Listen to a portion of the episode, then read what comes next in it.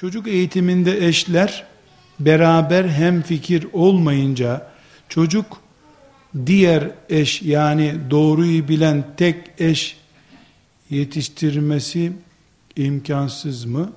Hep bahane eşimle beraber olmayınca çocuklara faydam yok. Yani bundan şöyle bir şey anladım. Eşimle anlaşamıyoruz. Ben sağ diyorum o sol diyor.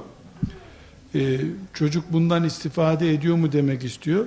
Yani kolay kolay eşler yüzde yüz bir konuda anlaşamazlar. Çocuk eğitimi konusunda bilhassa. Biri pes eder. Sen bu işten anla der. Ee, biri alttan almadıkça evde erkek veya kadın hiçbir iş olmaz zaten. Çift horozlu kümeste kavga olur.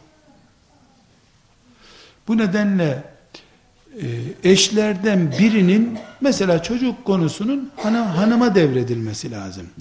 Benim tavsiyem temel esaslar taviz veremeyeceğimiz, asla tavize yanaşamayacağımız şeyler var. Mesela çocuğumuz Müslüman mı olsun, kafir mi olsun? Bunu mu tartışacağız işimizde?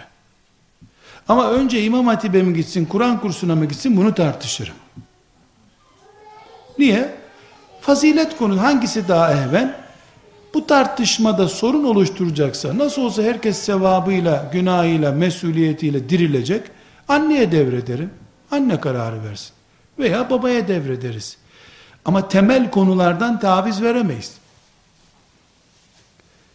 Kızımız başı açık, etekli bir vaziyette filan liseye gidecek. Bunu tartışamam. Böyle bir şey konuşulamaz. Ama filan medreseye mi gitsin, filanına mı gitsin?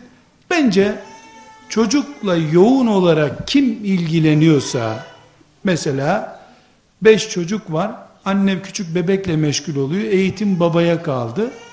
Veya baba eve az uğruyor, anne çocuğun eğitimiyle ilgileniyor.